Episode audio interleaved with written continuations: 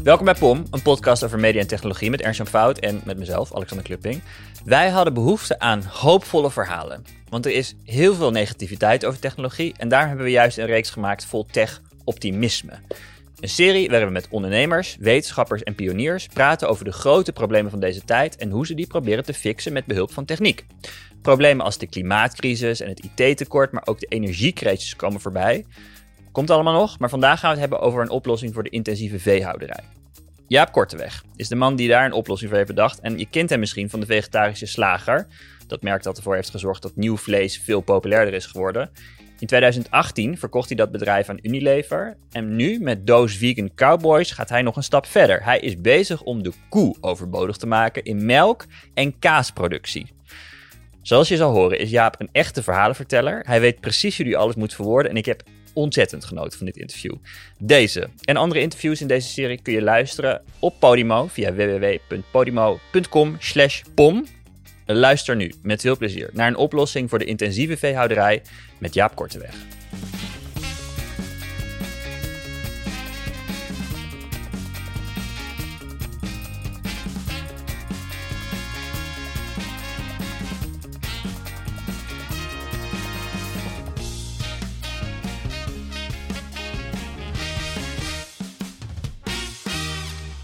Ja, welkom. Je komt uit een uh, boerenfamilie.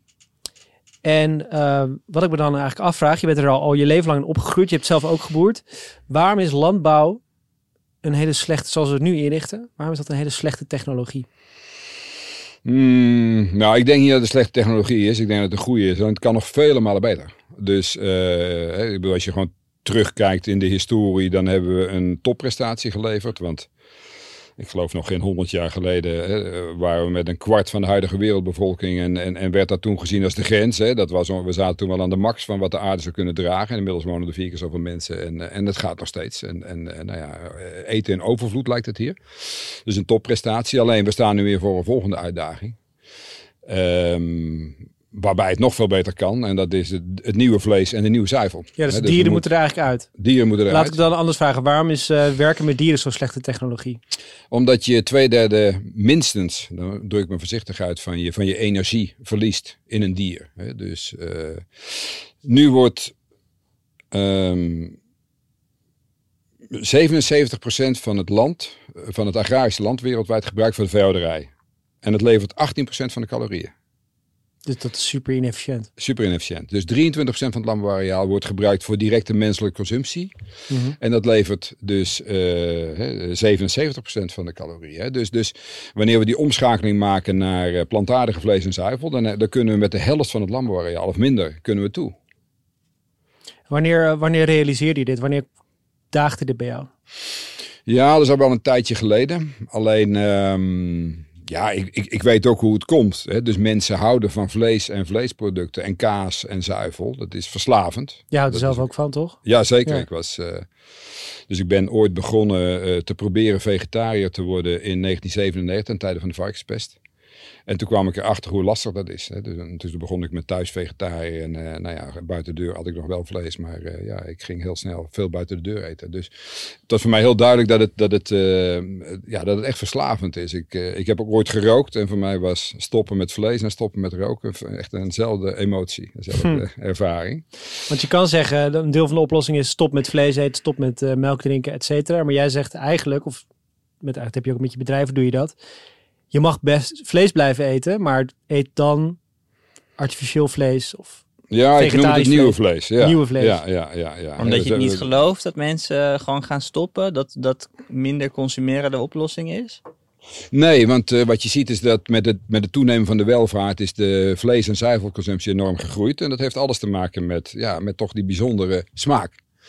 Dus, um, dus we aten ik geloof in 1970 of zo, aten we de helft van de hoeveelheid vlees van nu. Uh, bijvoorbeeld in Zuid-Europa, de, de bonenconsumptie, waar, van oudsher werden daar heel veel bonen gegeten. Uh, hier in Nederland trouwens ook, maar in Zuid-Europa nog veel sterker. Maar die is gewoon gedecimeerd. Hè. We eten minder dan een kilo bonen, terwijl bonen zijn met eiwitrijker dan vlees. Hè. Dus voor de voedingswaarde, maar we vinden gewoon alleen bonen saai. Dus, ehm, en we moeten ons ook realiseren, we eten geen vlees, maar we eten vleesproducten. Dus de, wat we eten, dat zijn door de mens ontwikkelde producten. Wij nemen niet een hap uit een varken? Een, een, hap rauw vlees. We maken er eh, worsten van, eh, hamburgers, frikandellen, noem maar, op. Eh, en dat vinden we lekker. En nou ja, het is nu mogelijk om direct van dat voer, van die, wat we aan die dieren voeren, om, om daar die producten van te maken. Waarmee je vleesliefhebbers voor de gek kunt houden.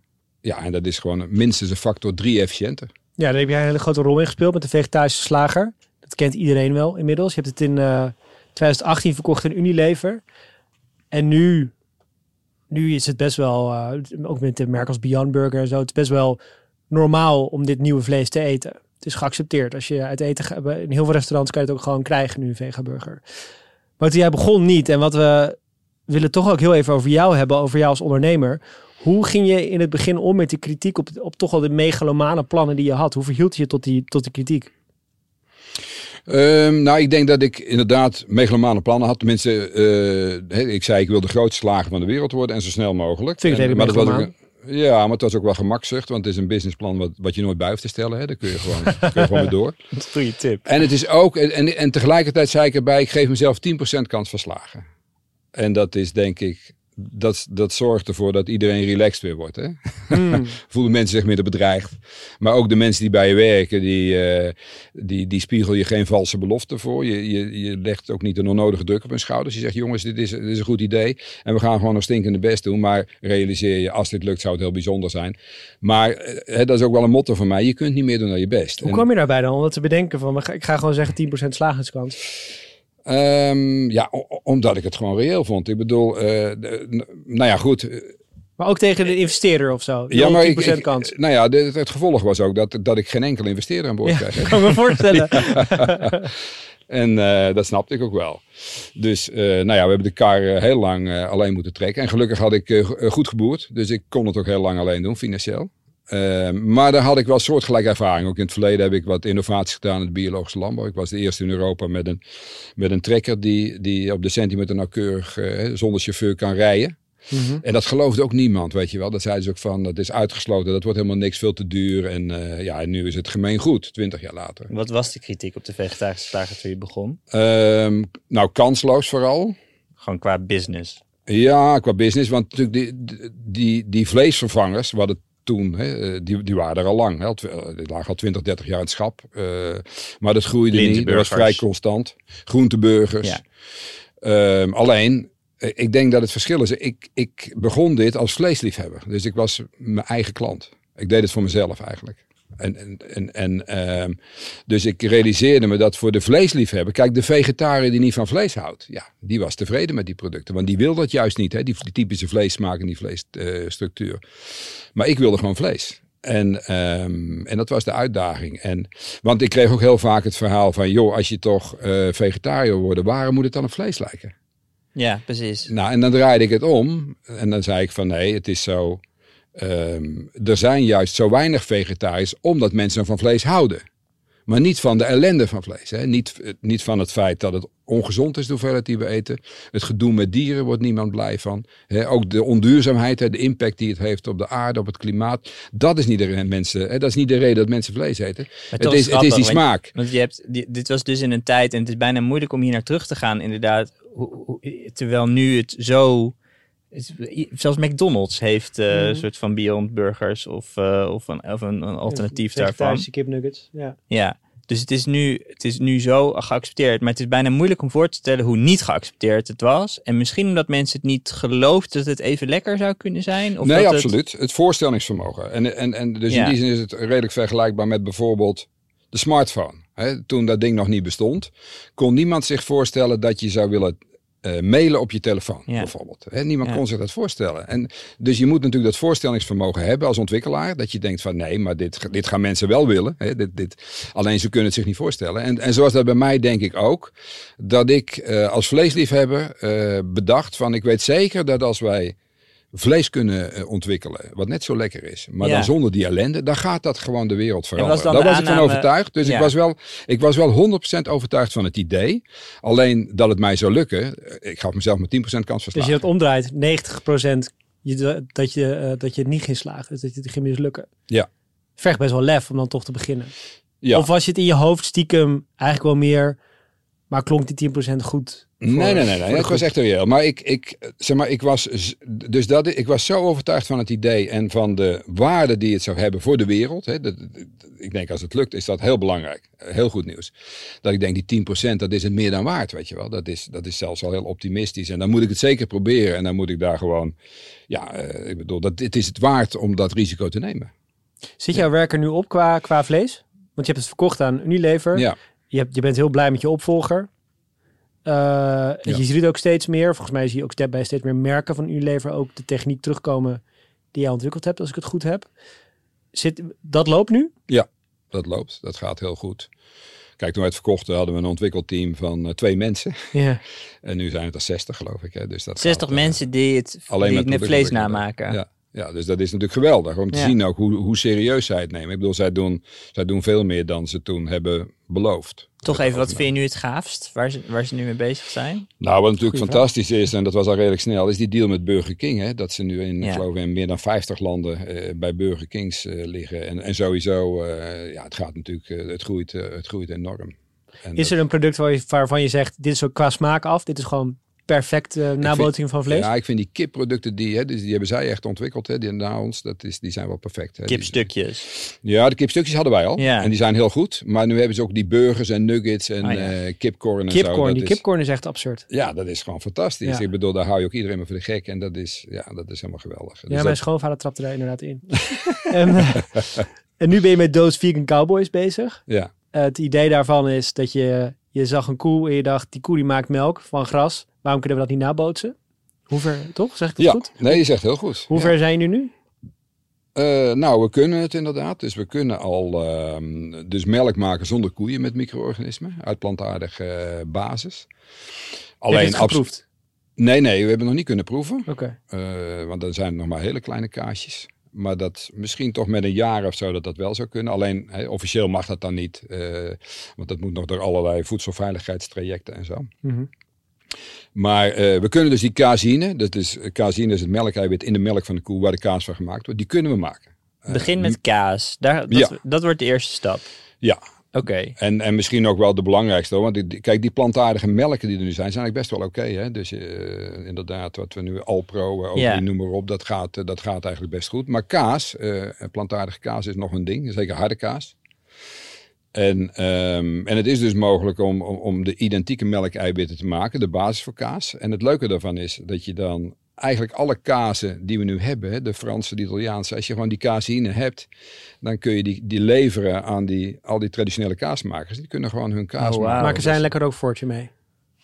Ja, al, daar kunnen we alle kanten mee op. Hè, dus dat is, eh, die, die, die caseïne is overal de basis van alle, hè, de grote diversiteit aan kaas. En je zegt nu, het zijn nu hele kleine kaasjes. Ja. Wat moet ik me voorstellen daarbij?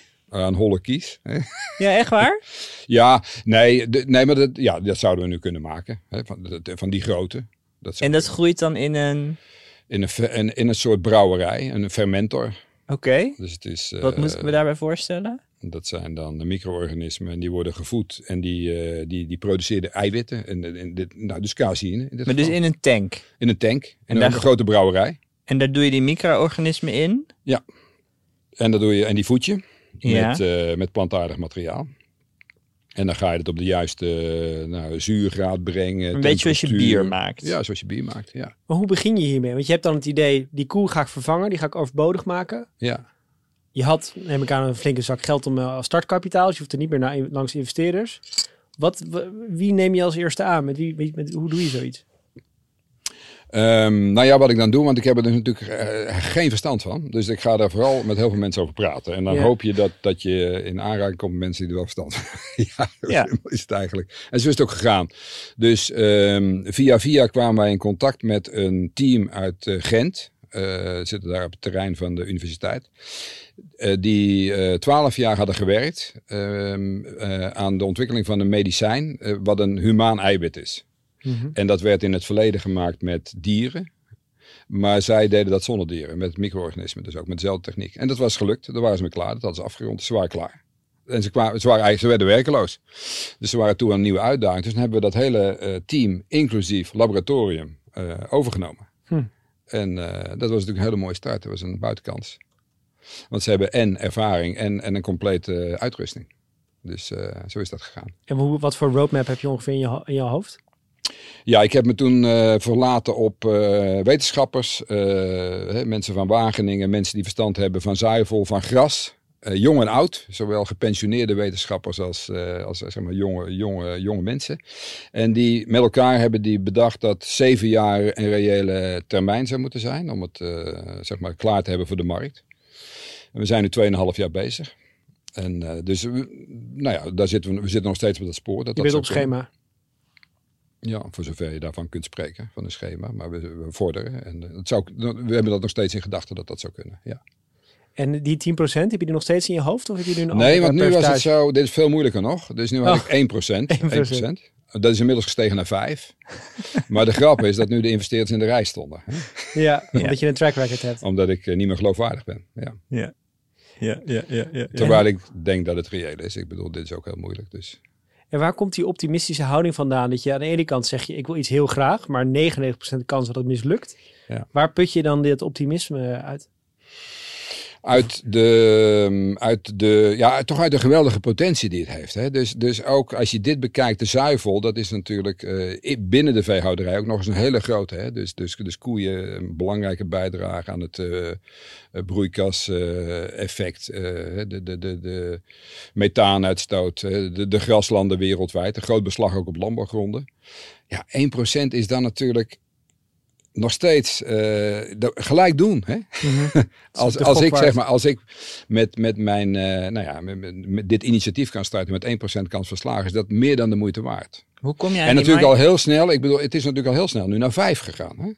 Ja, in 2,5 jaar. In Ja. koers. Nee, ja, precies. En Ja. dus, dus dat is nog een redelijk beperkte investering dan, om van 1 naar 5 te komen. Maar zit daar een soort berekening achter? Of is het meer jouw Nee, dat is toch een gevoel. Maar het, het is ook wel, dus ik ben, ik ben met ook eh, binnen de teams en zo, ik ben dus absoluut niet van targets. Hè? Dus eh, daar, daar ben ik tegen. Omdat eh, als je met echte innovatie bezig bent, dat, kun je, dat is gewoon, dat is nooit lineair. Ja, je vond Dat- het ook een beetje vervelend net het woord schema gebruikte, merkte ik. Ja, daar word ik allergisch voor. ja. En ik geloof ook dat je, dus als iedereen gewoon zijn stinkende best doet, dan, dan kun je natuurlijk wel aan het eind van het jaar zeggen, jongens, wat hebben we gepresteerd? Of mensen. Ehm, en kijk, in het ene jaar zul je eh, groeien met 100% en dat met, je, met, met twee vingers in je neus. En, want zo, zo, zo gaat het. En het andere jaar eh, kom je geen steek vooruit terwijl je kaart gewerkt hebt. Mhm. En dan is het heel erg, vind ik, fout om dan eh, mensen daarop te gaan straffen of belonen. Dat is, dat is helemaal niet reëel. Was dat bij de dat- vegetarische slager ook zo? Dat Ja. er van die doorbraken waren. Als je, als je, Ja. Het is geen lineaire grafiek naar boven. Het zijn een soort van Absoluut. nieuwe plafonds de hele tijd die je raakt. Hoe, kun je zo, wat is, wat is zo'n plafond geweest bij vegetarische slager? Dat je opeens een, een Ja, doorbraak zo verschillende. Hè? Dus, dus we begonnen natuurlijk met dat winkeltje in, eh, in Den Haag. En ehm, nou ja, heel snel, de, dat, dat, de- een van de eerste klanten, dat was de slager van het jaar, de beste slager van Nederland. Uit, door zijn vakgenoten gekozen, die bij ons kwam en echt eh, heel positief was en, en verrast. En zei, ja, wat jullie doen is bijzonder. En ik ga, ik ga met jullie nieuwe vlees, ga ik proberen in mijn slagerij om daar eh, mee te werken. nou, dat is fantastisch. Ja, dat is een soort boost voor je zelfvertrouwen. Voor jezelf trouwens. Ja. En, en, en toen veel natuurlijk vanuit eh, de culinaire wereld ook positieve recensies. Maar natuurwinkels die met onze producten begonnen. En op een gegeven moment ook de biologische groothandel. En in het maakproces? Want ik neem aan dat nu... In het maakproces. Ja, nu, nu eh, dat het van 1 naar 5 procent is gegaan, gaat neem ik aan over een doorbraak die je hebt meegemaakt. Ja. Dat het realistischer is geworden dat biologisch, of dat dit soort kaas er echt gaat komen. Ja, klopt. Dus wat was zo'n doorbraak tijdens vegetarische slager bij het maken van Mm, dingen? Nou ja, je noemde net onze kipstukjes. Hè. Die kip, eh, dat, dat, dat vlees, hè, die, die, die vleesstructuur, textuur. Dat was wel een soort doorbraak. Dat, dat, daar kwam ik mee in aanraking via eh, zeg maar, maar jonge eh, Wageningers. eh, die, die dat ontwikkeld hadden, die hadden een paar kilo in de vriezer liggen. Op een machine ergens, ge- op een geheime plek. Hadden die had die dit echt gewoon en deze kwam textuur aanraking. Zij boden dat aan. Zij, zij boden dat aan. En ze waren al eh, ze, ze waren langs allerlei eh, producenten geweest van toen nog eh groenteburgers en zo. Maar die waren niet geïnteresseerd. Omdat- Die, die vonden het niks. En ik dacht gelijk, ja, wat jullie hebben, dat is bijzonder. Maar wat kwamen ze brengen dan? Echt, wij hebben nepvlees Ja. gemaakt. En het is Ja. heel geloofwaardig. Het ligt in de vriezer. Ja, en ja, we zijn proeven. natuurlijk bereid. Ze hadden het ontdooid voor me. Ja. Hij is altijd gebakken ja. en een beetje gemarineerd. En dat was, eh, nou, dat was voor mij direct dat ik zeg, jongens, dit is Wat heel bijzonder wat jullie hebben. En toen, eh, ja, zeiden maar goed, we hebben geen, eh, zo'n machine kost een miljoen en we hebben geen geld. En, maar we zouden zo'n ding kunnen huren voor drie maanden. En dan kunnen we 12.000 kilo eh, kip maken. Ehm, dus ja, ik zei, nou weet je wat, dan koop ik die kip. Hè, voor eh 60.000 euro was dat toen. En, eh, en toen hebben zij de machine gehuurd. Toen heb ik die kip gekocht. En toen zat ik met 12.000 kilo In de vriezer. kip in de vriezer. en ik had nog geen winkel toen. Nou, toen zijn we dus die winkel gaan eh, inrichten en openen. Toen ben ik nou ja, begonnen in een winkeltje van 30 vierkante meter. Maar ja, het heeft twee jaar geduurd geloof ik, voordat we die 12.000 kilo kip verkocht hadden. Hè. De vriezer blijft het gelukkig goed. En wat is dat nu, die doorbraak, dat het naar 1 naar 5 procent is gegaan? Ja, dat is toch wel dat. eh, kijk, die 1% was voor ik begon. En eh, ja, dan is het nog een abstract plan. Ja. En, en we zijn nu gewoon, we, weet je, we produceren caseïne. hè. Ja, bedoel, we ja, produceren op, op labschaal. Hè, Ja. Hele kleine hoeveelheden, eh, gra- grammetjes. Maar het kan. Oké, dus dit is de Jaap-thermometer die zegt... de Ja. kans is al hoog gaan, er zijn betere mensen bijgekomen... en er gebeurt, er gebeurt wat. Ja, we hebben resultaten Hey, en die ja. mindset dat je 5% kans ziet dat iets gaat werken... of 10% kans ziet dat het iets gaat werken... en dat je zegt, eigenlijk zeg je... als dit werkt zijn de resultaten zo groot... dat het ruimschoots het waard is om daar tijd in te investeren. Ik denk niet dat de meeste mensen zo nadenken als ze een bedrijf beginnen. Waar komt dat vandaan, die, die, die manier van nadenken? Heb je dat ergens gezien of is Nee. het volstrekt logisch voor je? Nee, maar het heeft denk ik wel mee te maken. Kijk, als je natuurlijk begint, is dat lastig. Hè? Eh, want ja, als je natuurlijk, je, je moet gewoon een boterham verdienen. Hè? Dus het, eh, kijk, wat bij mij gebeurt is dat ik eh, een- aantal eh, stappen eerder heb gezet die succesvol zijn geweest. Dus ik had, toen ik aan de vegetarische laag begon, ook gewoon tijd en geld om, Ja. om dat risico te nemen. Ja. Zonder dat ik direct, dat er geen brood meer op de plank is. Hè, dus ik, kon, ik, ik, ik was in de mogelijkheid om geld te verliezen daaraan. Eh, Kijk, en zolang dat natuurlijk kan en, je- en, je dat ook de moeite waard vindt, dan kun je dat doen. Ik bedoel, ik kan me heel goed voorstellen, mensen die, ja, dat, dat, dat, niet iedereen kan zich dat permitteren. Zijn er veel dingen mislukt in je carrière? Ja, alleen ehm, dat is dan zo gebruikelijk, dat is bijna standaard, dat mislukken, dat dat normaal is. Dus dat valt dan niet meer op. Je, je, je bent eigenlijk alleen maar bezig met dingen die lukken. En dat is uitzonderlijk dat iets lukt. Maar hoe bedoel je dat is gebruikelijk in de, in de wereld waar jij werkt? Of, of voor jezelf? Ja, als je, natuurlijk, eh, als je natuurlijk veel aan het proberen en aan het innoveren bent, dan, dan, dan, ja, dan is eigenlijk mislukken is de standaard. En, en, en dat er iets lukt is de uitzondering. Ja, ja, dus, dus dat is wel. eh, dus de, de- en ik heb wel eens eh, gehoord, en dat herken ik ook wel, dat een kenmerk van ondernemers zou zijn. eh, zeker als je een beetje in die, in die vroege fase zit. Dat ze een slecht geheugen hebben voor mislukkingen. En dat, dat herken ik. Dus ik kan het me ook altijd moeilijk herinneren, omdat dat zo eigenlijk onderdeel is gewoon van je, van je werk. Maar goed, om een voorbeeldje te noemen, want ik krijg die vraag, die vraag natuurlijk vaak. Maar laatst dacht ik nog, toen wij bijvoorbeeld begonnen met dat winkeltje toen dacht ik natuurlijk al groot, hè, van we moeten naar de supermarkt. Dus eh, ik had toen eh, schaaltjes gekocht om die, eh, om die producten in te verpakken. En dat waren natuurlijk biologisch afbreekbare schaaltjes. Maar dan praat ik nu over 2009. Dus dat is al 13 jaar geleden. Mhm. Dus ik had 100.000 schaaltjes gekocht. Die we na vijf jaar weggegooid hebben allemaal. Maar die waren gewoon van inferieure kwaliteit nog. Mm. En eh, er was geen één verpakkingslijn eh, die ze kon eh, verwerken zonder dat er scheuren in kwamen en zo. Hè? Dus ja, weet je wel, dat is dan hartstikke goed bedoeld, maar wel een enorme verliespost. Dus dan wat dat de les daar is dat je eigenlijk al te vroeg te veel dingen goed wilde doen. Precies. Ja. Ja. had ik natuurlijk gewoon moeten wachten. En, ja, en misschien ook niet alles tegelijk doen, weet je wel. Je, Ja. kunt, je kunt ook niet alles in één keer Pick your battles. Je- Ja. Dus we hebben ook wel echt gefocust met de vegetarische slager op, op wat er in die verpakking zit. En ons, ja, ik bedoel, je kunt dan niet alles eh, in één Ook niet keer. even plastic probleem on the side Precies. oplossen. Ja, daar moet je een beetje mee oppassen, denk ik. Ja. Ja. En hoe reageert de zuivelindustrie nu op Those Vegan Cowboys?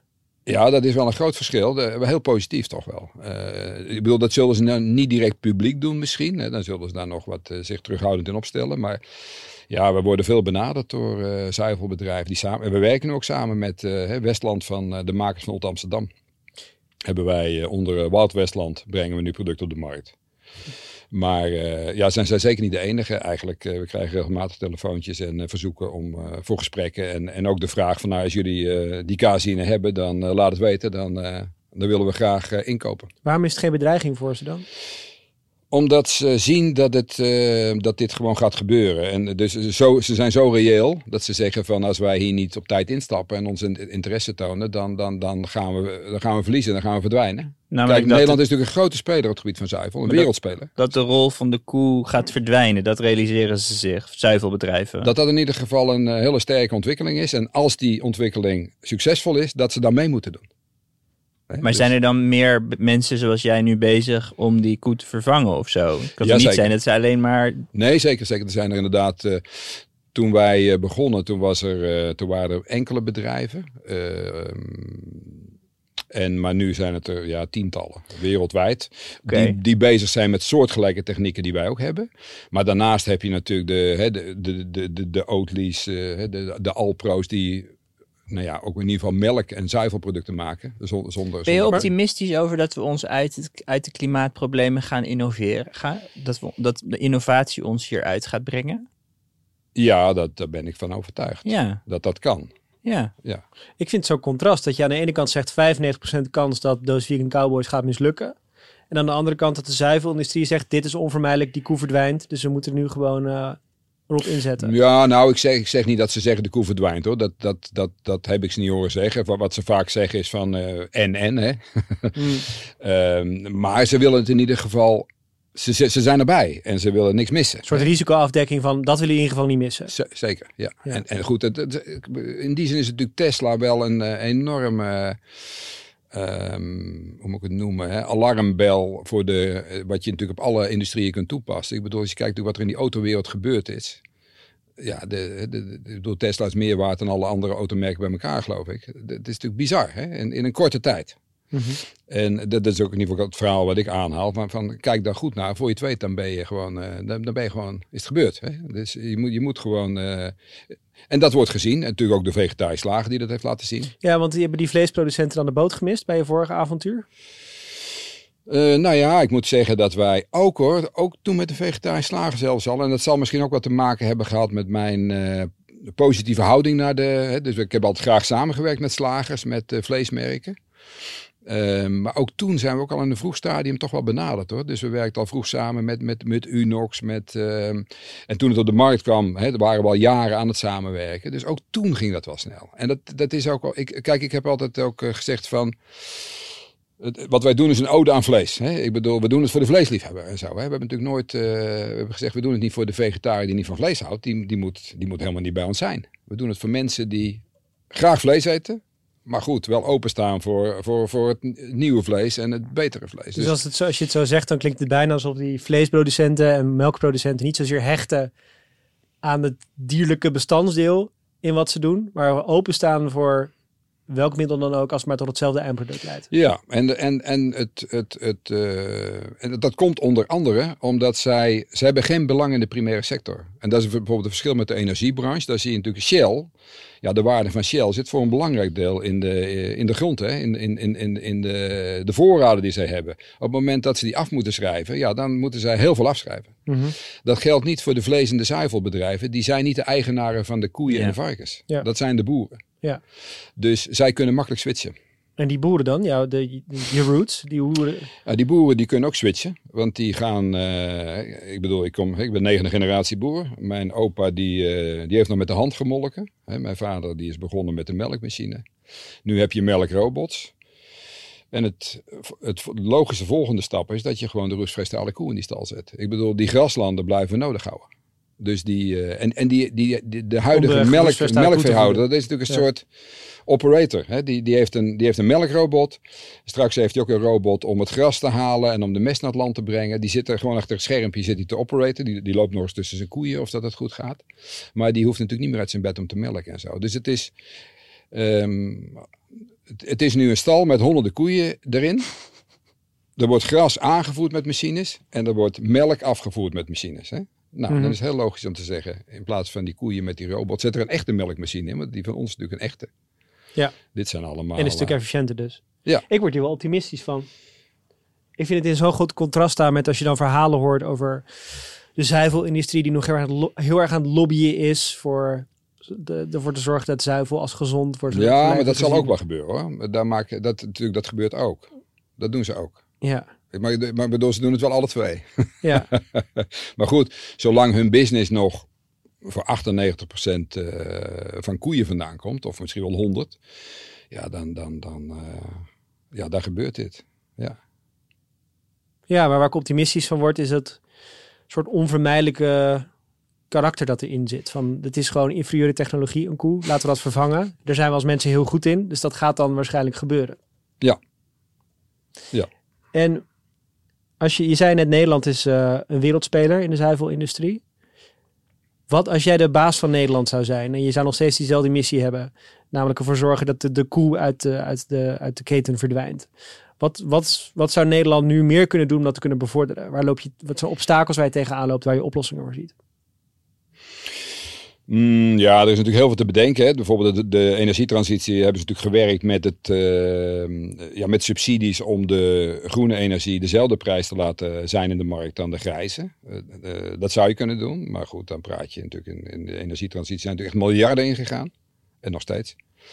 Ehm, maar wat heel effectief zou zijn, waar- waarmee je met weinig geld heel veel effect, eff- effect zou kunnen hebben, dat is door op scholen eh, gastlessen te, te organiseren met het verhaal van hè, wat het, eh, over het oude vlees en het nieuwe vlees, het oude vlees en de nieuwe zuivel, eh, in combinatie met proeven.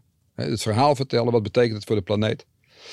En dan gewoon de goede populaire producten, hè, geschikt voor scholieren, eh, in, in, in, te laten proeven. Hè. De- de- Broodjes warma met... eh, Broodjes de, de, de, ja. de, de, de, de, de, de kipnuggets, de, nou ja, de, de nieuwe zuivel Hoezo zou dat zo effectief zijn, denk je? Omdat, ehm, omdat eh, zij dat mee naar huis nemen. En eh, er is geen sterkere, eh, er is geen sterkere manier, denk ik, om mensen te beïnvloeden dan via hun kinderen. En, en, en natuurlijk, en, en, maar goed, dat kan natuurlijk negatief, maar in dit geval dus positief. Ja, negatief. Tenminste, Ik hoor het zoveel, hè, dat mensen dus door hun kinderen eh, Ja, die, ook, hebben- ja. ja, hè, die dat- zien een paar filmpjes op YouTube. Die denken, waar slaat het op? En dan mag Ja. geen vlees met huis meer inkomen. En zeker als het dan van school komt. Hè, dan Ja. is dat natuurlijk nog veel eh, geloofwaardiger en zo. Ja. Maar je, je, je komt op mij over als iemand die heel goed weet te navigeren door eh, wat denk ik bij veel mensen de neiging zou zijn, namelijk om na te denken juist in moeten vlees duurder maken of weet je, jij weet daaromheen te bewegen en eigenlijk te zeggen het gaat niet om het bereiken van het vegetarisch, het is juist het omarmen van de vleeseters zeg je en eh, hier heb je het niet over vleestaks, maar juist enthousiasme kweken. Ja, dus ze hebben me ook gevraagd. Hè, met- er is natuurlijk een beweging voor de vleestaks. En Ja. hebben ze mij eh, gevraagd. En dan joh, zeg jij dat je- nee. nee. Nee, ik zei, dat, doe- dat, vind ik, dat vind ik gewoon te, te voor de hand liggend, weet je wel. Ja. Je gelooft Ik niet in het beperken van ontmoedigen van gedrag. Ik vind het, het is niet mijn manier. Het is niet ik, bedoel, jouw ik snap het wel, maar dan zou ik het ook geen vleestaks noemen. Dan zou ik zeggen van, we gaan de reële kosten in rekening brengen. Hè? Want ik bedoel, dat is natuurlijk bekend dat vlees eigenlijk veel meer kost Ja. dan, het nu, dan we nu betalen. Dat Ja. is alweer een andere benadering. Maar vleestaks vind ik gewoon, dat is al een fout woord. Dat moet je helemaal niet doen. Geen een vleestaks. slecht merk. Ja, Oké. precies. Oké, maar je zegt dan dit is een heel sympathiek idee om op scholen les te gaan geven, maar ook om Nederland, eh, weet je, we, we zijn nu, ik heb wel eens gezien eh, grafiekjes over hoeveel Nederland produceert aan voedsel. Ja, foute grafiekjes. Foutgrafiekjes? Ja, we zijn de op één na grootste exporteur van landbouwproducten. Ja, Maar dat is complete bullshit.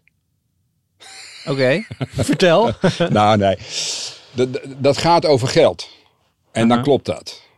Maar als je kijkt naar de werkelijke balans als het gaat over hoeveel calorieën wij importeren in Nederland en exporteren. Hoeveel landgebruik wij importeren en exporteren. Hoeveel energie wij importeren en exporteren voor voedsel. Dan is dat zwaar negatief. Dan verbranden wij heel veel voedsel. Maar we exporteren gewoon hele dure dingen of zo. Ja, wat we natuurlijk doen is eh, zeg maar een veelvoud van het Nederlandse areaal importeren als goedkoop veevoer. En daar maken we vlees van en dat exporteren we met, met, eh, met, met alle nadelen van dien, met mestoverschotten en stikstof en zo. Maar in calorieën importeren we dus veel meer dan dat we exporteren. We zijn gewoon een hele onduurzame factor daarin. Ja, oké, maar dat is dan Alleen weer op die- kritiek op de inefficiëntie van het gebruik van dieren. Ja, maar het is ook, dus, dus, ja, maar dus we zijn geen voedselexporteur in, in, in calorieën. Nee. Ja, maar dat is natuurlijk, ik bedoel, Ja. uiteindelijk is dat de essentie Ja, toch? ja. Hè? Nee, we zijn een zware importeur. Ja, we zetten Groot het om en doen dat inefficiënt. Inefficiënt. Ja, als ja. het efficiënter doen, kunnen we toch wel een exporteur van formaat Zeker. worden? Als wij kiezen voor plantaardige vlees en zuivel, dan kunnen we echt, echt, ook in calorieën, een exporteur worden. Maar Want het is wel echt zo dat Nederland een heel bijzonder land is wat, dat, Zeker. be- wat dat betreft. Ja, ja, zeker. zeker. We- Natuurlijk, eh, in, in techniek lopen we voorop op het gebied van tuinbouw. Hè, ook in de, inderdaad in de intensieve veehouderij. Maar als jij minister-president bent en je wil bijdragen aan die missie, dan ga ik ervan uit. Dan is toch niet de enige, het enige wat je gaat doen, is zorgen dat in klasse nepvlees of nieuw vlees, pardon, wordt geproefd. Nee, dan zou ik inderdaad. eh, nee, inderdaad. Alleen de vraag is hoe ga je het doen? Hè? Dus, dus eh, hoe ga je dit bevorderen? Ehm, dus. begint maar goed, ik geloof wel heel sterk. Ik, ja, dit is dan toch wel mijn manier. Hè. Uiteindelijk, ik, heb- ik ben de vegetarisch slaag, kon ik ook niet anders. Ik had natuurlijk geen enkel machtsmiddel of zo. Nee. Het enige wat ik kon doen is het verhaal vertellen. En goede producten op de markt brengen. Mensen verleiden. En dat is toch wel, de, dat is toch wel, de, dat is toch wel mijn manier. Ja, ik nu stel ik je een vraag die van macht uitgaat, maar dat, dat, met dat instrument kan je niet zoveel eigenlijk. Het is, ja, het is niet waar ik nou warm voor word. Nee, maar je kan wel. Je zou, je zou kunnen zeggen, als minister-president, kun je zeggen, we gaan onze economie anders vormgeven. En dat is namelijk, Ja, ja. die is nu voor een heel groot deel landbouw. En dat gaan we, de, de, de manier waarop we met landbouw omgaan, gaan we vanuit overheidswegen veranderen. Zoals Nederland bekend staat om, nou ja, Klopt. mis- semiconductors overal in de wereld. Doordat we toevallig één bedrijf hebben wat daar heel erg goed in is. Ja. Zou Nederland natuurlijk wereldwijd bekend kunnen gaan staan als een land wat voorop loopt in Ja, nou ja, goed, ik ben nu in, eh, in Brabant. Hè, dus, dus dat is wel grappig. Nederland is natuurlijk een. eh, maar Brabant is binnen Nederland de meest veedichte provincie. Ja, En, en ook wereldwijd. De Ja, meest veedichte provincie. En ze hadden me gevraagd bij een brainstorm over de toekomst van het voedsel. In het kader van het Van Gogh Nationaal Park. Dat is een gebied van ongeveer de helft van de provincie. Waar ze allerlei innovaties willen bevorderen. en toen ontstond tijdens die brainstorm bij mij het idee om een gebied van 1000 hectare. Dat is ongeveer 3 bij 3 kilometer. Om dat te, te transformeren naar het gewenste Brabant van 2050. Eh, op het gebied van voedsel, maar ook energie, wonen, werken, noem maar op. Zo breed mogelijk. En toen heb ik uitgerekend dat je, eh, wanneer we kiezen voor het nieuwe vlees en de nieuwe zuivel, dus plantaardige landbouw, dat je op 250 hectare, eh, of op een kwart eigenlijk van het Brabantse areaal, kun je alle Brabanders voeden. Kunnen we zelfvoorzienend zijn. In een provincie die tien keer zo dicht bevolkt is dan gemiddeld de wereld. Dus we hebben, ik geloof, 10, 10 miljard in 2050 of zo is de verwachting. Hè? In Bra als, als het overal zo dicht bevolkt zou zijn als in Brabant, zou er 100 miljard zijn. Mm. En zelfs dan kun je met plantaardige eh, landbouw, plantaardige voeding, eh, heb je maar een kwart van je areaal nodig om die mensen te voeden. Dus dat is natuurlijk ontzettend goed nieuws. Dat is bijzonder. Dus we kunnen, als we gewoon het slim doen, is die 10 miljard mensen geen enkel probleem. En hebben we zelfs nog ruimte voor veel meer natuur dan nu. En hoe ziet dat eruit dan? Een stukje van 3 bij 3 kilometer? Wat, wat... Nou ja, mijn idee was dat, dat, dat dat echt Brabant in het klein wordt. Dus daar wonen net zoveel mensen dan gemiddeld in Brabant naar verwachting in 2050. Dus er zouden dan 6000 mensen komen te wonen. Van die 1000 hectare zou je een kwart, dus 250 hectare gebruiken voor, eh, voor biologische landbouw. Eh, alleen maar plantaardig. Hè? Dus we maken het, eh, van die plantaardige bronnen ook vlees en zuivel. Ehm, je zou ongeveer een 150 hectare nodig hebben voor groene energieopwekking. Je zou al je energie zelf op kunnen wekken. Niet alleen wat we direct verbruiken, maar ook indirect via onze consumptiegoederen, hè, waar we nu importeren uit China en zo. Ehm, Met een paar zonneschermen en... eh, ja, en, en, en wind, windturbines, eh, zonne-energie, eh, aardwarmte, een combinatie. Ehm, dus je zou echt kunnen laten zien, en, want dat, was, dat, is, dat is mijn idee, dat je eigenlijk mensen laat zien. Nu al laat zien, want natuurlijk veel mensen zijn, zijn angstig voor de toekomst. En hebben zorg dat hun kinderen het slechter gaan krijgen dan zij. Hè. Dat is nu de, ehm, wat er veel gedacht wordt. En met dat project kun je laten zien dat dat helemaal niet het geval hoeft te zijn. Als we het gewoon slim aanpakken, dan kan de wereld er prachtig uitzien. Hè. Dan kan het hartstikke duurzaam zijn. Ook qua wonen en werken. Mineralen, eh, mineralen die volledig eh, hergebruikt worden. Dat is nu ook een groot misverstand dat je voor de biologische landbouw dieren nodig zou hebben voor de mest. En dat Mhm. is zo'n, eh, dat, is, dat, dat gaat helemaal, dat, nou ja, bullshit om over mest, mest te spreken. Maar dat is inderdaad bullshit, want dieren produceren helemaal geen mineralen. Mineralen zitten in de bodem. En, en dat is de basis. En eh, die dieren die, die, eh, die eh, eten die planten op die in die bodem groeien. Ze zijn alleen een soort tussenfase, maar ook weer een ongunstige tussenfase. Dus wanneer je geen, geen dieren gebruikt, dan is dat alleen maar winst. Ook voor je mineralen. Hè? Want kijk, die mineralen verdwijnen in het riool nu. Dat doen we sinds eh, 100 of, of sinds een paar honderd jaar. En, en dan zijn ze weg, maar dan is het afval geworden. En dan moeten we mee stoppen. We moeten die mineralen terugwinnen uit het riool. Die moeten terug op het land. Dat is de enige manier om die kringloop te herstellen. Dus de mensenmest. Hè? Mhm. Die moeten we natuurlijk in een, in, in, een, in een goede vorm terugbrengen op het land. En dat is de enige manier. En eh, nou ja, dat soort dingen zou je dus ook in dat project kunnen realiseren. Dus dat je daar op een andere manier dat eh, organiseert. En niet, niet zoals nu met het riool, dat het geloosd wordt in, eh, nou, in de oceaan. Waardoor de, nou ja, met alle ellende van dien of dat, er, dat het onderwege gestopt wordt. Nee, dat moet gewoon hergebruikt worden. In die duizend hectare ga je dit ook daadwerkelijk doen? Ga je dit daadwerkelijk bouwen? Nou nee, het is een, ehm, eh, nee, dat kan ik ook helemaal niet, want ik heb geen duizend hectare. Ja, niet ergens Nee, wat ik, wat, ik, wat ik eigenlijk wil is dat ik een. eh, hè, dus ik, nou goed, ik merk dat er veel belangstelling voor is. Om te beginnen, iedereen zegt: Ik wil er wonen. Wanneer kan ik daar een huis reserveren? Hè? In, in, in, in een Brabant waar geen, eh, geen, eh, geen, geen veestallen staan. Mhm. In de directe omgeving. En waar alleen maar biologische landbouw is. Geen chemie. En niet gespoten wordt met, eh, met bestrijdingsmiddelen en zo. Dus dat is hoopgevend. En ik heb uitgerekend dat de transitie dat die, ehm, betaald kan worden gewoon uit ontwikkeling. Dus het kost ook geen gemeenschapsgeld. Hoe dan? Nou, omdat je daar, je gaat daar 3000 woningen realiseren duurzaam. Ja, En, dat, ehm, dat levert geld op. en, en je gaat een landschap ontwikkelen waar mensen graag wonen. Ja, dus het is een beetje duurder dan normaal. Nou ja, dat, ho- en dat, dat hoeft niet eens. Maar ik bedoel, dat zal wel gebeuren. hè. Ja. Dat is waarschijnlijk wel eh, wat er aan de hand is. En het wordt echt een stad. Een, een dorpje. Ja, een dorpje. een- misschien tegen een bepaalde stad aan. 6000 mensen. 6000 mensen. En heb je dan ook een idee over de vorm? Gewoon hoe dat moet gaan voelen met een dorpspleintje of met een... eh, Ja, dat, nou, ik wil, ik, eh, wat ik wel wil is dat mensen, wat, wat ik dus wil, dat het, dat het, ehm, het, het, het, het lijkt erop dat er toch wel redelijk steun voor is. En ik wil graag wat steunbetuigingen daarvoor hebben. En dat ik het dan eh, het gebied ingooi als een kans. Ja. met, met, met steun van, nou ja, laten we zeggen, de overheden. ja. Die zeggen van, nou, weet je, ik bedoel, leuk idee. Hè? Wij- steunen dit als, als mensen dat voor elkaar krijgen. En dat mensen dus zelf dit gaan eh, bedenken. Nou, ik woon hier in een gebied en ik zou graag willen dat dit gebied eh, op die manier Ja, je wil geen wordt. burgemeester worden, met andere woorden. Ik wil geen burgemeester worden, nee. Dus dat het echt van onderuit komt. Maar verwacht je, want de vraag ging over wat de verwachting is van de overheid. Mhm. En toen zei je, dit is een mooi idee wat de overheid zou kunnen doen. Nou ja, zou kunnen doen in ieder geval, zou kunnen toelaten. Of zou kunnen, kunnen toejuichen. Want ze Ja. hoeven er eigenlijk zelf niks aan te doen. Ze hoeven alleen maar te zeggen, nou het zou een goed idee zijn. En als mensen dan dit voor elkaar krijgen en het eens worden Ja. hè, over zo'n ontwikkeling in hun gebied. Dat ze zeggen, nou, je krijgt de ruimte daarvoor. Hè? Als een Dus- soort demo voor de rest van de wereld. Ja, Hm. Ja. Maar, maar je komt op me over als iemand die niet de hele tijd, of niet veel kritiek geeft op anderen, hoe ze het doen.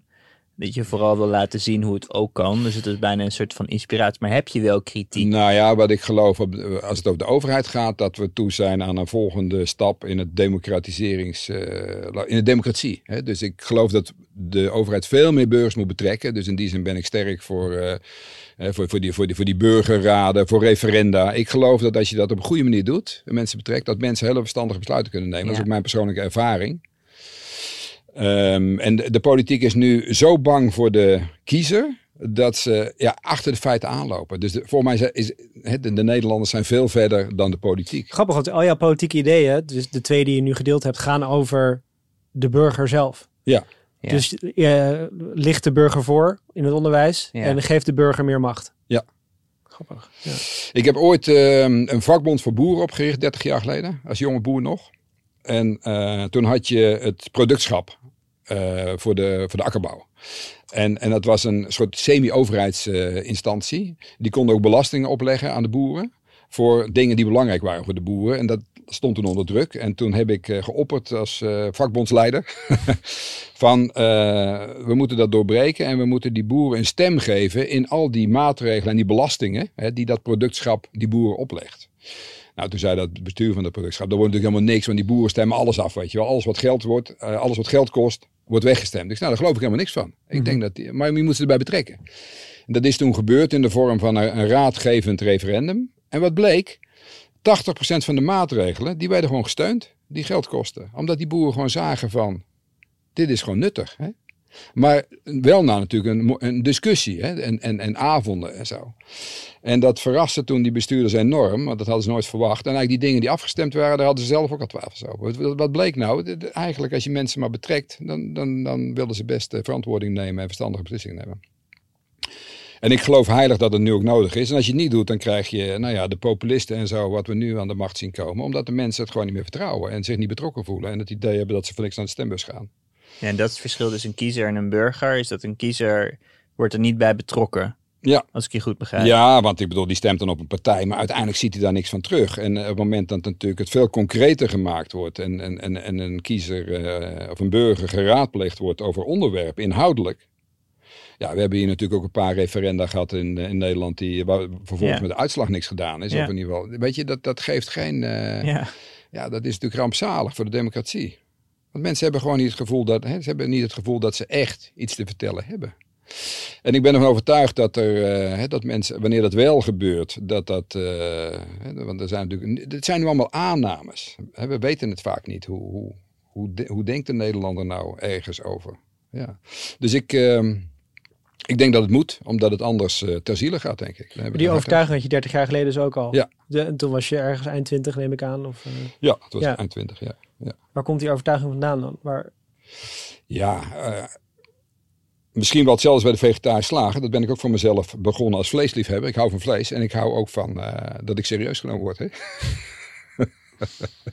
dus dat, uh, ik denk dat, uh, in, dat ik in die zin geen bijzonder mens ben. Dat ik uh, denk dat de meeste mensen serieus genomen willen worden. Ja.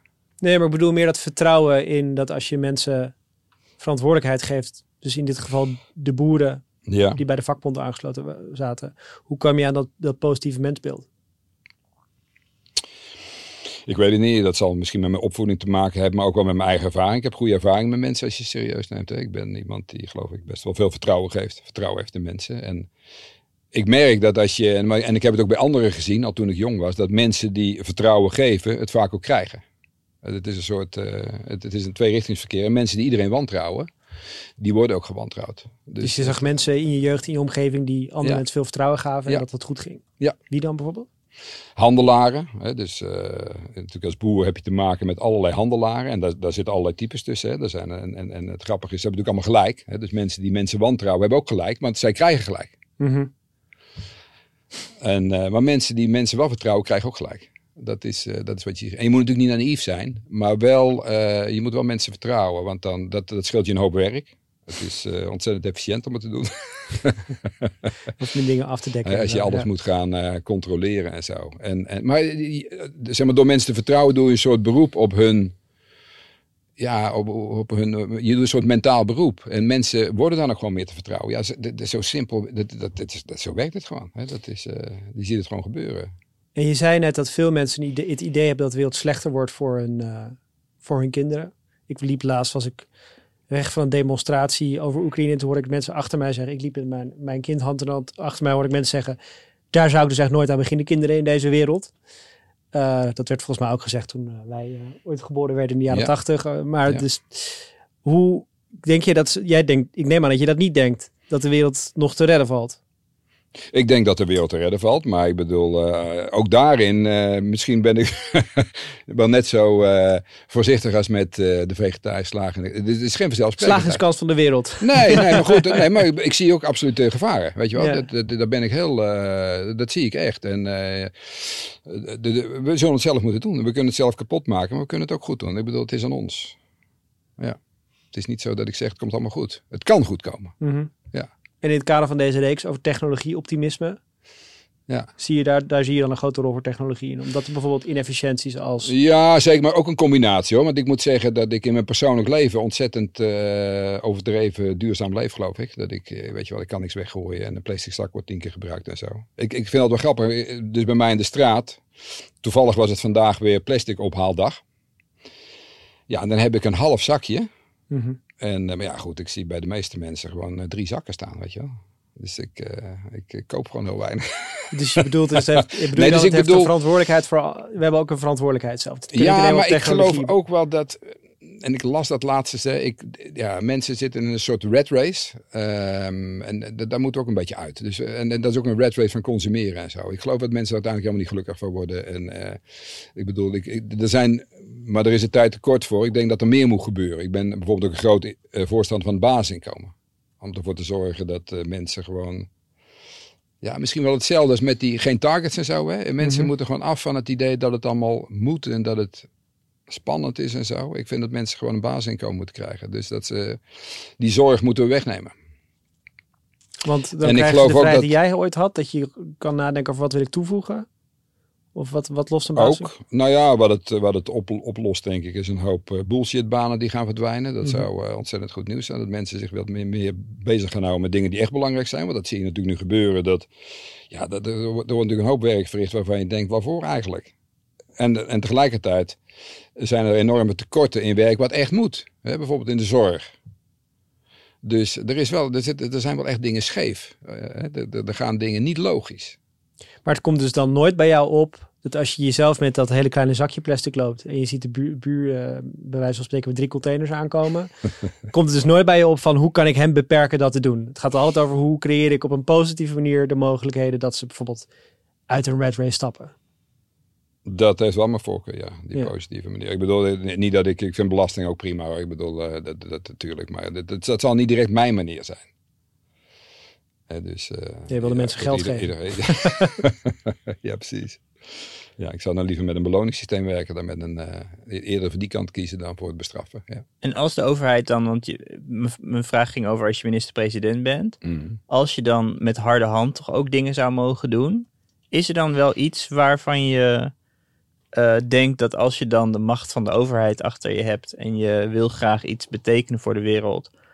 wat je anders zou doen dan de huidige kabinet? Want we hebben het net gehad over dem- democratisch deficit. Maar zijn er ook dingen die eh, op economisch gebied of. of Ja, zeker, zeker. Nee, bijvoorbeeld, hè, dus wat ik zei, dat basisinkomen vind ik belangrijk. Maar ook een hele logische, het, het, natuurlijk het, eh, het veranderen van belasting op eh, arbeid naar grondstoffen en, en, en- en vervuilende activiteiten. Dat is natuurlijk, ja, dat, dat zou het eerste zijn, geloof ik wel. Rick, hè. Dat, dat is natuurlijk heel raar dat nu vanuit duurzaamheid gedacht, maar sowieso, dat arbeid zo belast is.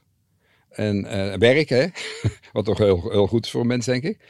En dat allerlei vervuilende activiteiten, dat die, dat die eh, onbelast zijn. Hè? Ja. Of, of veel minder belast. Zoals? bij bedrijven, neem ik aan. Ja, consumptiegoederen, maar, maar ehm, eh, nou ja, de, hè, de, de- het vliegen bijvoorbeeld, de, de brandstof voor de, voor de zeecontainers en zo. Dat, dat is, Zoals kilo-knallers nu Ja. ook bestaan en dat niet een, een goede representatie is van wat vlees echt kost, Ja. zou je dat bij alles willen zien. Dus dat vliegen ook gaat kosten wat het echt kost. ja, dus dat, precies, dat, wat het echt kost. Dus dat je, dat je alleen maar belasting heft op vervuilende activiteiten. Ja, Alleen maar. ja. Alleen maar. Dat is natuurlijk buitengewoon effectief. En ook wel logisch eigenlijk. Want waarom zou je niet vervuilende activiteiten belasten? Waarom zou je dat doen? Is dat logisch? Ik denk het niet. Leuk gedachte experiment. Ja, ik moet er even over nadenken. Wat is het nadeel? Want je hebt hier langer over nagedacht dan wij. Hmm, nou, in ieder geval is het voordeel van het belasten van vervuilende activiteiten... Ja. dat je die nou ja, zwaar ontmoedigt. Ja. En dat je dus dat echt minimaliseert. Maar is er een nadeel? Nee, ik, eh, voor mij- ik, kan het niet bedenken. Nee. Want het eh, bevordert de innovatie, hè, de, de, de duurzame innovatie. Nou ja, het zal kortstondig zorgen voor eh, dat het duurder wordt om, eh, om duurzaam te consumeren. En, en daar zal innovatie op eh, volgen. En dat zal ervoor zorgen dat wij. Nee, Anders. dus het wordt, duur, het wordt duurder om niet duurzaam te consumeren. Ja. En daar zal innovatie op volgen, ja. Ja. Volg ik. Ja, en dan gaan we gewoon andere dingen doen. Dan gaan we andere dingen belangrijk vinden. Ja. Het, het, het zorgt voor bewustzijn. Van wat is nou, eh, hoe kun je nou. eh, want het is ook allemaal maar een gewoonte. Ik bedoel, we zijn natuurlijk zo gewend om. om ja, ik, ik, voel het bijna fysiek, weet je. Het is natuurlijk, eh, als je ziet ook met kinderen, je had het net over kinderen, wat die, ja, wat die natuurlijk. Het kost niks, al die troep. Hè, al, al, die, al die plastic speelgoedjes. Het, kost, het kost zo weinig dat, je, dat, het, dat, dat het bijna not done is om dan niet met een, met een, met een, een of ander plastic dingetje weer aan te komen of zo Mhm. op een feestje, weet je wel. Terwijl Mhm. het, het, het- maar we zitten elkaar ook maar een beetje na te doen, toch? We zitten toch in een soort eh, keurslijf. En je moet moeite doen om eruit te breken. Ook, Ja. ook tegenover je kinderen zelf. Ja. want die zijn het ook zo gewend. En Ja. het gaat overal zo. En, en we doen elkaar maar een beetje na. Dus eh, ja. Maar goed, dat dus, dat zou ik, eh, dat zou ik natuurlijk eh, doen. Dat belastingssysteem eh, veranderen. Kijk, ik, ik, ik, wat ik ook heel sterk hoop is dat we. En wat ik ook denk hoor, wat kan gebeuren. Ik denk dat het reëel is dat we toegaan naar een, een, toekomst zonder diergebruik. Dus dat we gewoon geen dieren meer gebruiken. En dat er inderdaad op dezelfde manier teruggekeken zal worden op de manier waarop wij nu met kip en varkens omgaan. Als dat we terugkijken op, weet ik veel, kinderarbeid of eh, Mhm. slavernij of zo. Mhm. Dat, dat, dat, Met veel schaamte. met- ja, Ja. en ook met onbegrip. Omdat het dan, als je dat natuurlijk. Ja, als je daar niet meer aan opgegroeid bent, dan denk je wat wat- eh, belachelijk hoe dat ging. Moet je niet toch proberen om burgemeester te worden van die nieuwe stad? Hoe gaat die eigenlijk heten? Dorp? Nou, het, het project heet Nieuwe Vroente. En Vroente, dat, Dat vind is ik niet echt een naam voor een dorp. Nou, Wat Brabant wel, want het is een oude Brabantse term. En het is toevallig het gebied. Ik woon zelf in een eh, natuurgebied wat ik eh, ooit heb eh, zelf ontwikkeld, teruggegeven aan de natuur. En dat op de oude kaart van de gemeente Etteleur was te zien dat dat, dat heet uh, Serenvrunten. 1600. En dat betekent, eh Vrunte, Vroente, dat betekent eigenlijk niemandsland of land van de Heer. Of algemene grond, hè, dat, daar mocht iedereen komen. Eh woeste grond. En eh dit vond ik een mooie, mooie naam. Woeste eh, we gaan weer terug, eh, we gaan weer veel meer natuur, veel, meer- veel meer grond teruggeven aan... eh, of ja, in ieder geval daarvan afblijven. En zou het kunnen dat je dan in één stad dat belastingstelsel invoert? Dat we eigenlijk een stad maken in Nederland die helemaal zijn eigen regels heeft. Charter City Een of zo soort toch? charter city. Charter dorp. Ja, nou ja, weet je, dat, dat, dat gaat inderdaad. Kijk, wat ik, eh, zoals ik het nu gedaan heb, eh, heb ik het praktisch. Er staat geen hek omheen. Hè, dus mensen hoeven ook niet te eten van het land uit dat gebied. Hè, de, mensen kunnen gewoon de Albert Heijn gaan, want dan Ja. is het ook niet praktisch. Maar het is vooral om te inspireren, om te laten zien.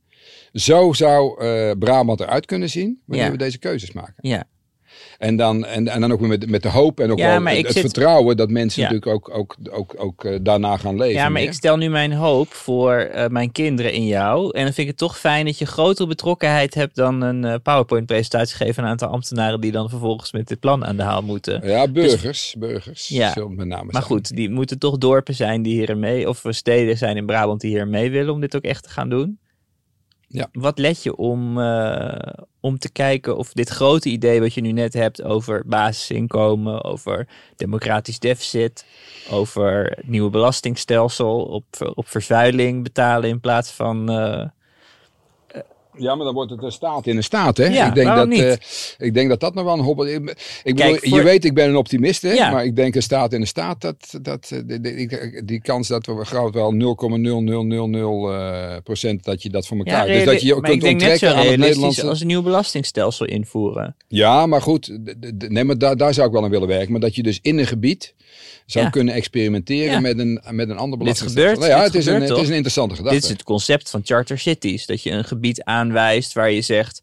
eh, een overheid kan niet met zichzelf concurreren. Ja, En het is af en toe best goed dat er nieuwe ideeën komen. Dus we wijzen één gebied aan, net zoals vrije handelszones, Ja. waar andere regels gelden. nou, het is een interessante gedachte. Even een tikje ambitieuzer, Jaap, is eigenlijk wat hij zegt. Ja, ja, ja. Nee, maar ik, ik, het begint... eh, begint en ik eh, denk eerlijk gezegd, als je zegt staat in een staat, wat is de kans dat dat gaat lukken? Nou, ik denk als we ons met z'n al- als je het aan de burger overlaat, die heeft echt wel door dat er een groot probleem is en dat het niet opgelost gaat worden door de politici. Wat is er mooier dan een, ergens in Nederland een experiment doen? Zeker.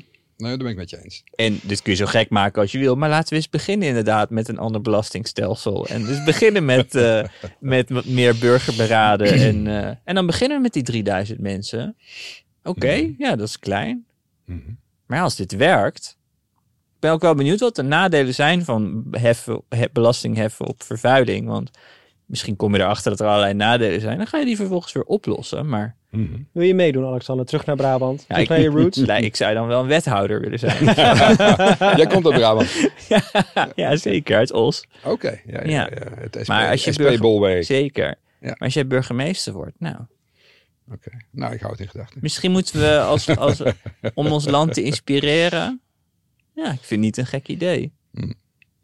Ik voel je niet Nee. echt, ik voel niet echt je enthousiasme. Jawel, jawel. Nee, het is alleen dat ik denk van, hè, wat, wat, wat eerst ook. Dus eh, kijk, ik vind zelf in Brabant dus dat. eh, Kijk, mijn focus is natuurlijk ook dat duurzaam, dus eh zelfvoorzienend energie. En, en, en diervrij. Dat is natuurlijk in Brabant een heel Ja. groot ding. Hè? Ja. Dus is misschien is het alweer een beetje hetzelfde dan dat ik zeg. Met die, maar, maar, maar het mooie is dat. Dus ik heb een aantal basisvoorwaarden. En verder is het vooral ook aan initiatiefnemers om, om er verder invulling aan te geven. Ja. Dus, Hoeveel dus, tijd eh, heb je hier maar waarom, voor? waarom, waarom opteer jij niet voor burgemeester in een gebied in Brabant? En, eh, ga je, Ja, zou ook ik kunnen. Ja, dan, lijkt eh, me, uit, lijkt me heerlijk om burgemeester te zijn. ik Helemaal vind het licht dystopisch, maar goed. en eh, want hoeveel tijd ben je eigenlijk aan Doos Vegan Cowboys kwijt? Nee, dat valt eh, reuze mee, want ik heb er geen verstand van. Dus dat scheelt een hoop Je bent alleen maar aanjager en Ja, klopt. Ja. Ja. dus we hebben iedere week hebben we overleg, dan horen we wat. En natuurlijk hebben we soms wel eens een, een of ander strategische ding of zo. Maar ik inhoudelijk... eh, nou, toevallig kreeg ik dan... Vanmorgen heb ik een gesprek gehad over een mixer die dan... eh, om die kleine mini-kaarsjes, weet je wel. Dan heb je een heel klein mixertje nodig. En die Ja. hele kleine mixertjes, die zijn dan weer... Die gaan dan weer ik stel me dus een heel klein, laboratorium. Dus, eh, ze- en en ik, ik, ben wel een beetje techneut, dus toen kreeg ik de vraag of ik daar iets aan kon betekenen om dan zo'n mixertje dan eh, te fabriceren. Oké, dus af en toe duik je echt weer de Maar praktijk. dat is, ja, precies. Maar dat is dan zo'n technisch, eh, zo'n mechanisch dingetje. Dat, dat, nou, dat vind ik dan wel leuk. Ja. Alexander, ben je optimistischer nu dan toen het gesprek inging Ja. over de wereld? Ja. Mooi. Ja. Ik ook. Dank daarvoor. Nou, jullie ook dank daarvoor. hè. Goed te horen, want jullie hebben al heel veel gehoord. Nee, dit was de eerste aflevering. Oh, kijk eens aan. ja, Mooi. met jou afgetrapt. Begin heel positief. ja, Je begint positief. Oh ja, dat is waar. Ja, dat had je verteld. Dat was de eerste keer. Hè? Ja. dankjewel. Nou, ja. leuk. Maar een goede start wat jullie betreft. Zeker. Mooi. Ja. Dat is fijn. Dit was POM, een podcast met Alexander Klupping en Ernst Jan Fout. En een team dat hen in professionaliteit ver overstijgt. Bianca, schrijver, Ik doet weet niet alles. waarom wij nog steeds deze tekst aanhouden. Ja, je moet toch iets van een soort consistentie in je podcast hebben. Oké. Ik kan hem ook uit mijn hoofd tegenwoordig. Ja, dat helpt. Botte Jellema is audiotechnicus. Zeker. Eh, de tune is gemaakt door Timbre. Ja. De design door Verve, formerly known as Vruchtvlees. Correct. We zitten bij podcastnetwerk Dag en Nacht Media, owned bij Podimo. Mhm. En De meme-maker is geheim. Ja, de meme-maker is geheim. Ja. Die had laatst alweer... eh Jij maakte een leuk grapje op Twitter over de NOS. Had je dat gezien? Ja. Maanden hoe geleden. ja, ja. hoe hij daarop reageerde. Hij vindt dat je vaak hetzelfde grapje maakt. Ik maak vaak hetzelfde grapje. Hij zeikt ons echt af en toe persoonlijk af. Ja, zeker. Maar dat is, wij betalen hem om ons persoonlijk af te zeiken. Het is een vreemde, toxische relatie. Ja. Maar goed, ik moet er wel om lachen. Nou, als het over jou gaat. Ja, dat weet ik. Dat zit je er ook altijd al onder. Ha, ha, ha, ha, ha. Een like is niet genoeg. Moet er ook textueel worden toegevoegd, deze lach. Hoe dan ook, we gaan dit gesprek nabespreken Ja, in de after. Die staat ook nu klaar in je Podimo-app. kan je ook lekker naar kijken of luisteren. Heel veel plezier daarmee. En volgende week weer een nieuwe. Meer optimisme. Meer optimisme. Dag. Dag.